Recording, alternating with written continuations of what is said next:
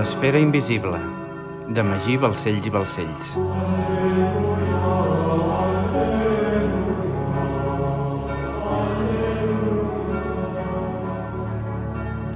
Capítol 19. Orsini o Orsini. Diumenge. 23 de febrer de 1304. Castell de Caral, Principat de Catalunya. El solitari castell de Caral s'alçava sobre una alta castellera de roca conglomerada de la serralada prelitoral catalana, a cavall entre la vegueria de Cervera, Montblanc i Vilafranca, amb una vista espectacular i privilegiada dels quatre cantons de l'horitzó. A l'est s'albirava tota la vall de la Noia, amb el castell de Sant Martí de Tous, Igualada i la impactant silueta blavosa de la fantàstica i màgica muntanya de Montserrat a la llunyania. Al nord, els Pirineus nevats s'estenien de punta a punta davant l'extensa i àrida plana de la Segarra i l'Urgell. A la part de l'oest, la petita i ondulada comarca de la Baixa Segarra es desplegava als seus peus, amb Bellprat, Santa Coloma, Les Piles, Viure, Pontils, Conesa, Savallà i centenars de masos sembrant-la de vida. I al sud, una vasta massa forestal, estesa sobre la serralada prelitoral, feia de muralla natural amb el camp de Tarragona, impossibilitant la vista de la mar. Just sobre el cim, un edifici rectangular amb una torre arrodonida feia les funcions pròpies de primitiva residència castrense i uns metres per sota, a la part de l'oest i separat del cos del castell, malgrat ser dins les seves muralles, hi havia una petita capella dedicada a Sant Miquel, una cisterna i els estables. Vestit en ple segle X per ordre de Guifré el Pilós, va ser un dels castells del límit més ponentí dels comtes de Barcelona, destinat a vigilar els confins de la Gòtia enfront dels moros, gràcies a la seva posició privilegiada. Amb la reconquesta i el repoblament de la zona, els comtes de Barcelona van vendre a la família Timor, qui després de molts serveis a la Casa de Barcelona van aconseguir el títol de barons de Caral i es van canviar el cognom, fundant així una nova dinastia. Malgrat ser la casa mare dels Caral, el castell havia deixat de ser la seu de la baronia des que la vila de Santa Coloma havia aconseguit el privilegi de mercat i des de llavors havia quedat deshabitat. Així i tot, gràcies a les seves impressionants vistes i a la seva tranquil·la solitud, Margelina s'hi havia desplaçat per convertir-lo en la seva residència. La vella no suportava haver de viure amb les seves joves al castell de Santa Coloma. I, a més a més, la solitud del castell li permetia poder obrar amb discreció sense ser molestada ni qüestionada. El dia s'alçava clar i lluminós, mentre el rector de la capella del castell apagava un gran ciri marcat amb línies i es disposava a mirar el rellotge solar per determinar l'hora canònica exacta.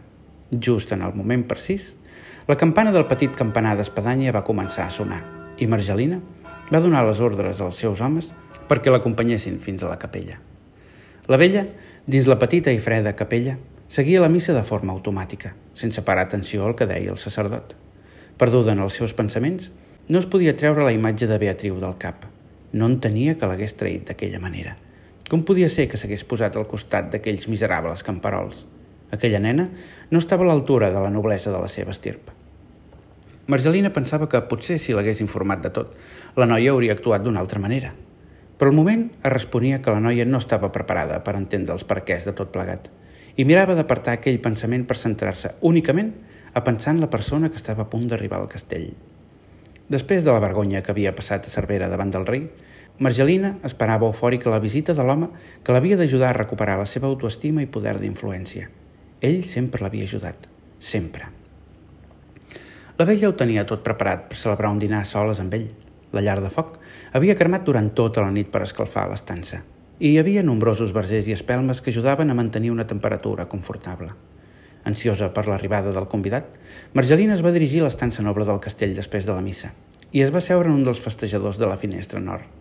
Absorta en els seus pensaments i en l'home que esperava, mirava per la finestra en direcció a l'horitzó. La claretat del dia permetia veure amb total nitidesa els herculis Pirineus nevats a la llunyania, elevant-se majestuosament darrere l'extens altiplà de la Sagarra. Margelina estava ansiosa, es moria de ganes de veure'l, Feia molts anys que s'havien conegut i des de llavors els unia una relació única i molt especial.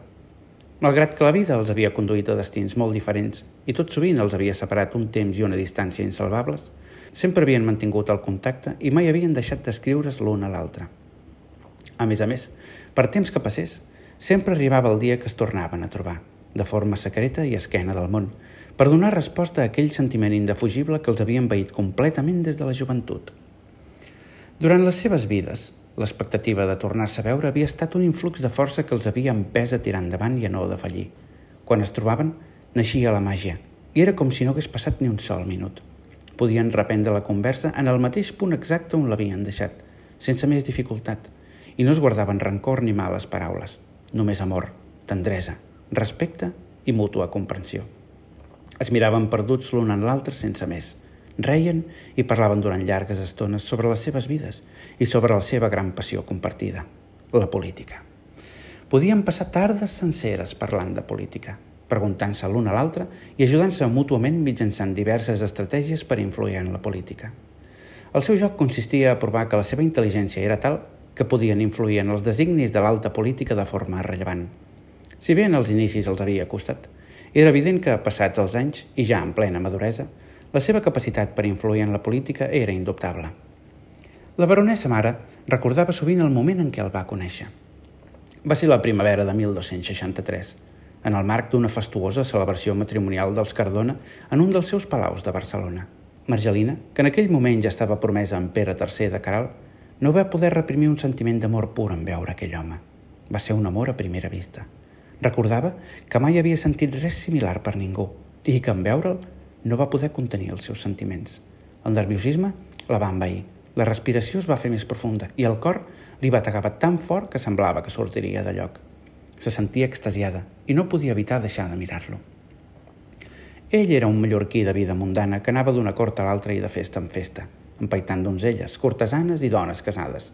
La seva formidable intel·ligència i retòrica, expressada mitjançant poemes trobadorescos, captivaven l'atenció de la noblesa, per sobretot de les dones, qui en veure'l caien rendides com a bledes als seus peus. Margelina n'havia sentit a parlar per boca d'alguna de les seves cosines i sempre havia pensat que exageraven.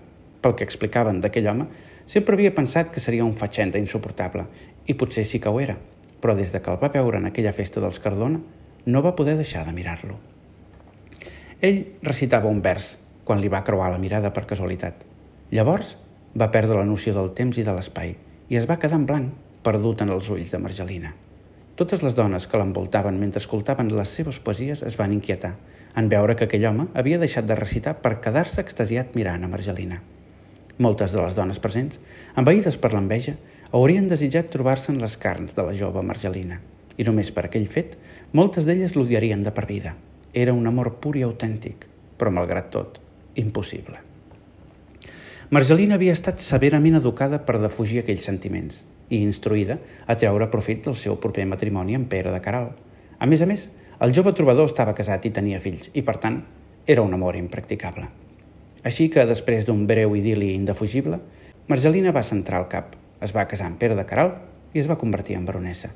Ell, després del profund desamor que va patir, va sentir la necessitat de dirigir tot el seu amor cap a alguna idea que sí que pogués materialitzar. Déu. Convertit en missioner vinculat amb els franciscans, va dedicar tota la seva vida al proselitisme cristià entre jueus i musulmans per aconseguir la seva conversió. Malgrat tot, però, encara que la vida els havia conduït per camins diferents i que cadascun havia construït la seva sort per separat, aquell intens sentiment mutu mai s'havia pagat i sempre havien mantingut un estret contacte. Recolzada a la finestra, Margelina rellegia constantment un fragment escrit en una de les últimes cartes que ell li havia enviat. En la carta, li deia que algun dia li agradaria incorporar aquell fragment en algun dels seus llibres i li demanava l'aprovació. El text deia així – encara jove i afeccionat a compondre vanes cançons, dictats i altres follies d'aquest món, estava assegut una nit vora el meu llit, disposat a compondre i escriure en ma llengua vulgar una cançó sobre certa dona a qui aleshores amava amb fat o amor. Margelina somreia. Mai ningú podria saber el significat d'aquells fragments, només ells dos. Ningú sabria mai qui era aquesta certa dona a qui es referia Fra Ramon Llull. Uns suaus copets a la porta van distreure la vella dels seus pensaments i, instantàniament, el cor li va començar a bategar davant l'expectativa de la seva presència. Fra Ramon Llull, va anunciar un dels homes de la guàrdia de Margelina. Margelina es va alçar mirant a Fra Ramon directament als ulls. Fra Ramon va avançar fent el mateix. A mesura que s'acostaven, s'intuïa un somriure de felicitat que com més a prop estaven l'un de l'altre, més ben dibuixat estaven les seves expressions. Per fi, quan es va tancar la porta i van quedar-se sols, es van abraçar amb força durant una bona estona. Margelina, va dir Fra Ramon, apartant-se i acariciant-li la galta, mentre la mirava als ulls. Ramon, com estàs? li va dir Margelina. Molt bé, i tu? li va dir fra Ramon. Bé. Per cert, enhorabona, va dir fra Ramon. Per què? va preguntar Margelina. El teu fill Pere ha estat pare no fa gaires dies, no? I tinc entès que és un nen. Sembla que el llinatge té continuïtat. Sí, almenys Francesc ha servit d'alguna cosa, va dir Margelina. Ja t'has refet del conflicte amb el rei? va preguntar ell. Tres mil lliures no són res. És la imatge dels Caral el que em preocupa. Això i l'actuació de Beatriu, va dir Marcelina. Eh, no li tinguis en compte. És molt jove.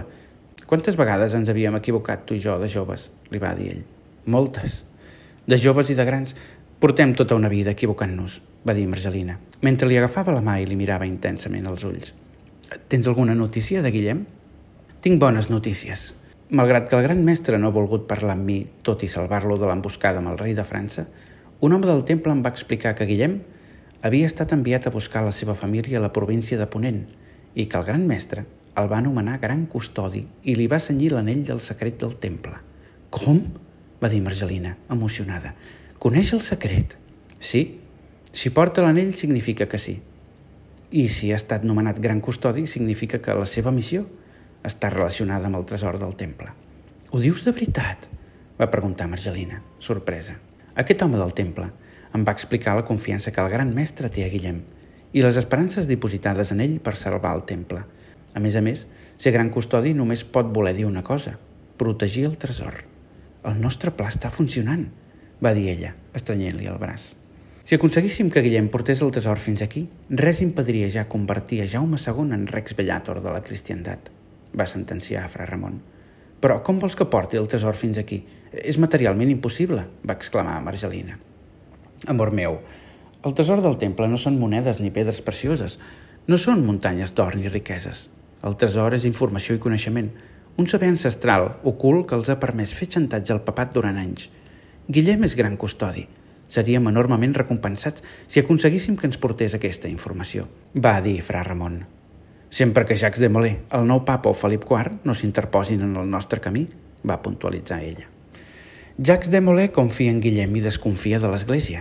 Per això l'ha anomenat gran custodi, i el poder del temple sempre ha estat fonamentat en la possessió d'aquest tresor, i si caigués en mans de l'Església, el temple ja no tindria cap poder de coacció sobre la Santa Seu, i el seu poder s'esfumaria de la nit al dia. Aprofitant que Guillem coneix el secret, hem d'aconseguir que porti el tresor fins aquí. Entenc, va dir la vella pensativa. I el nou papa? Benet XI és favorable al projecte Rex Bellator, aclaria Fra Ramon. Però va aconseguir el papat gràcies als francesos, va afirmar Margelina, temorosa. Qui és el seu candidat, Felip IV o Jaume II? Bocassini hauria pactat amb qui fos per tal de ser papa, explicava Fra Ramon, per treure-li importància. Però és italià i home d'església. Mai permetrà que els francesos obtinguin el control sobre l'exèrcit més gran de la cristiandat. I els francesos, què hi diuen al respecte? Va preguntar Marcelina. A Felip IV no li agrada que l'enganyin. Felip IV i els seus consellers són els qui més hem de vigilar, va dir Fra Ramon, perquè, malgrat que Benet XI ens és favorable, la seva situació és extremadament dèbil. Les seves decisions han estat del tot equivocades. No sap sopesar els equilibris de poder que l'han conduït fins on és, i si continua igual, no crec que duri gaire. Explica't, va dir Margelina. Bocassini, eh, bé, el papa Benet XI, va aconseguir el papat gràcies a un pacte a tres, entre els Colonna, els Orsini i els francesos, deia Fra Ramon. Eh, malgrat que la política de la Santa Seu envers Felip IV ha canviat i el rei de França no ha estat excomunicat, Benet XI no ha retirat l'excomunió que Bonifaci va fer contra Sicarra Colonna. Només Pietro ha estat perdonat, eh, però això no és el pitjor.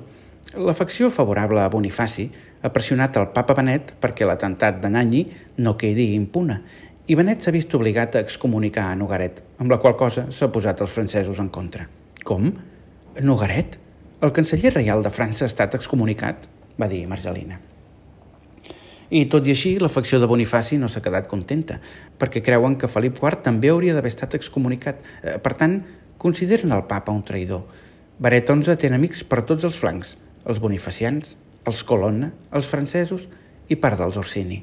Benet atemorit i coneixedor de les històriques i repetides conjures polítiques romanes, s'ha retirat a Perugia, amb un gran exèrcit per la seva protecció. Així doncs no podem comptar amb ell, va dir Margelina. Encara que sigui favorable a Jaume II, la prudència indica que mantinguem en secret la missió de Guillem. Si l'Església intercepta el tresor del temple, tindrem poc poder de negociació. És més prudent mantenir el secret i aconseguir que Guillem porti el tresor fins a nosaltres. Després ja ens arreglarem amb l'Església i serem recompensats, explicava Fra Ramon. Sempre que aquest papa segueixi viu, va puntualitzar Margelina. I el col·legi cardenalici? Hi ha hagut algun nou nomenament de cardenals? Eh, no, podem estar tranquils, deia Fra Ramon. Segueix amb 19 cardenals, 10 dels quals són bonifacians, encapçalats per Matteo Orsini Rosso, i 6 per francesos, encapçalats per Napoleone Orsini Frangipani. Els bonifacians són partidaris de Jaume II, mentre que els francesos ho són, òbviament, de Felip IV. Dos Orsinis? Va preguntar Margelina. Els Orsinis sempre guanyen. Són molts segles de poder i influència, va dir Fra Ramon. Així que tenim 10 contra 6 dels francesos, eh? I quina és la majoria? va preguntar la vella. 13. Es necessiten 13 vots per elegir papa, sempre que no hi hagi nou nomenaments o morts de cardenals, puntualitzava Fra Ramon. I els tres que no formen part de cap facció? va preguntar Margelina. Aquests tres reben pressions de les dues faccions. Probablement no es decantaran fins al final en funció de qui faci la millor oferta. Hem de vigilar els francesos, va dir Margelina. Hi ha més bonifacians que pro-francesos, aclaria Fra Ramon. És més probable que els tres indecisos caiguin cap al costat dels bonifacians que no dels francesos. Margelina es va fer el signe de la creu i tot canviant de tema li va preguntar eh, «Com tens pensat fer venir a Guillem fins aquí?» Fra Ramon va agafar una bossa i va començar a regirar-la. Al cap d'un moment va treure un paper i el va mostrar a Margelina tot dient «Està signada per l'inquisidor general de la corona d'Aragó, M'ha costat molt d'aconseguir. Després de tota una verborrea legal, veuràs que decreta la nulitat de ple dret de l'acte de fe dictat contra Maria Balcell en el seu dia. Increïble, va dir Margelina. Has d'enviar-ho a Guillem juntament amb una carta.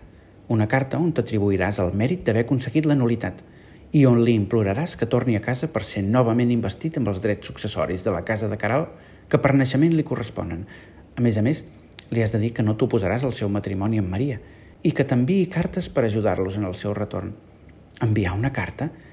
I com enviem una carta a un lloc que se suposa que no sabem que existeix? va preguntar Margelina.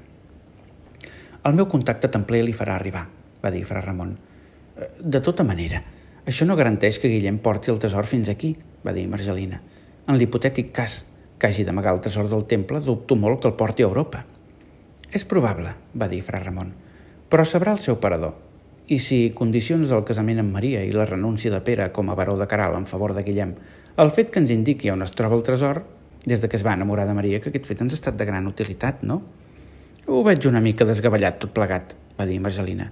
A més a més, mai permetré que el meu fill es casi amb una camperola. Eh, ja ho sé, Margelina, va dir Fra Ramon. I estic segur que trobaràs la manera d'impedir-ho sense que això signifiqui haver de renunciar a fer que Guillem ens confessi el parador del tresor. Suposes masses coses, li va dir Margelina. El mateix em vas dir quan et vaig explicar com enviar Maria a Xipre i quan després et vaig dir que havíem de pactar amb Dalmau de Rocabertí per allunyar-la tan lluny de Xipre com fos possible. I ja ho veus, tot ha sortit rodat. Eh, se sap alguna cosa de Fra Dalmau? va preguntar Margelina. El rei Jaume ha enviat diversos ambaixadors per intentar alliberar-lo, però de moment no ha tingut èxit. Segueix pres a Egipte, va dir Fra Ramon. I el gran mestre? És coneixedor de les males arts de Fra Dalmau? va preguntar Marcelina. Imagino que no, perquè ell també està intentant alliberar-lo. Si sabés alguna cosa del nostre pacte, per res del món intentaria alliberar-lo. Al contrari. Margelina, tot mirant la carta de l'inquisidor general, va alçar la vista a Ramon i li va preguntar «Quant t'ha costat, això?» Um, «Hauries de fer arribar 5.000 lliures a l'inquisidor», va contestar Ramon amb mig somriure. «Com?» va dir Margelina, i sota quin pretext li entrego 5.000 lliures? Uh, un retaule dels Sants Joans per la capella del castell de Santa Coloma, va dir Fra Ramon. Evidentment el retaule no val això, ni molt menys, però simularem que sí. Pagaràs a un pintor italià que actua de testaferro de l'inquisidor. Entre tots em deixareu plomada, va gemegar la vella. No et queixis tant. El nostre pla està sortint a la perfecció, va dir Fra Ramon. Si no recordo malament, és emparentat amb els Castellnou i amb el Rocabertí. I si culminem el pla el retorn que obtindràs serà molt més del que has invertit. El rei oblidarà el judici de Cervera i superareu els Cardona en importància i dignitat. Si el nostre pla funciona, dolça Margelina, els Caralos convertireu en els primers i únics ducs del Principat de Catalunya. Ducs de Santa Coloma i barons de Caral, Sona bé, oi? Que Déu t'escolti, Ramon. Que Déu t'escolti, va dir Margelina. Déu m'escolta, vella Margelina, perquè el puc veure a través dels teus ulls, va dir Ramon mirant-la. Ah, sí? va dir Margelina, somrient. I què et diu? Que tota la creació és una conspiració universal amb l'únic objectiu de crear una cadena de casualitats que condueixen directament a la creació d'aquests ulls celestials, va dir fra Ramon. Ramon, va exclamar Margelina.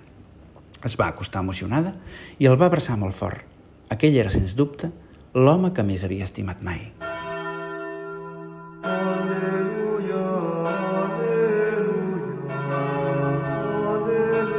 L'esfera invisible, de Magí Balcells i Balcells. Aleluia, aleluia.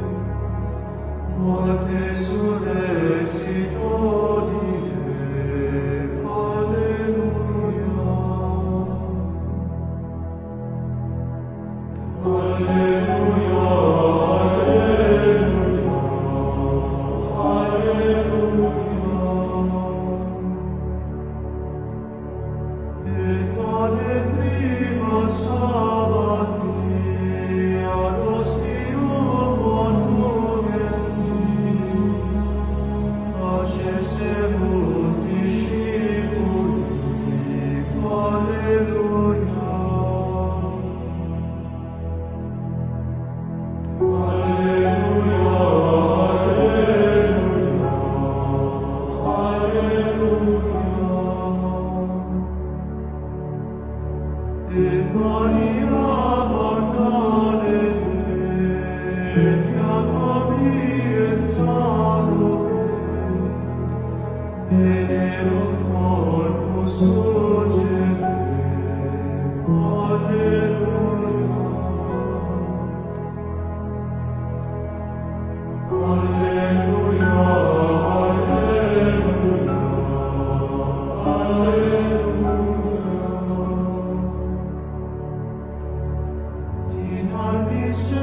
lives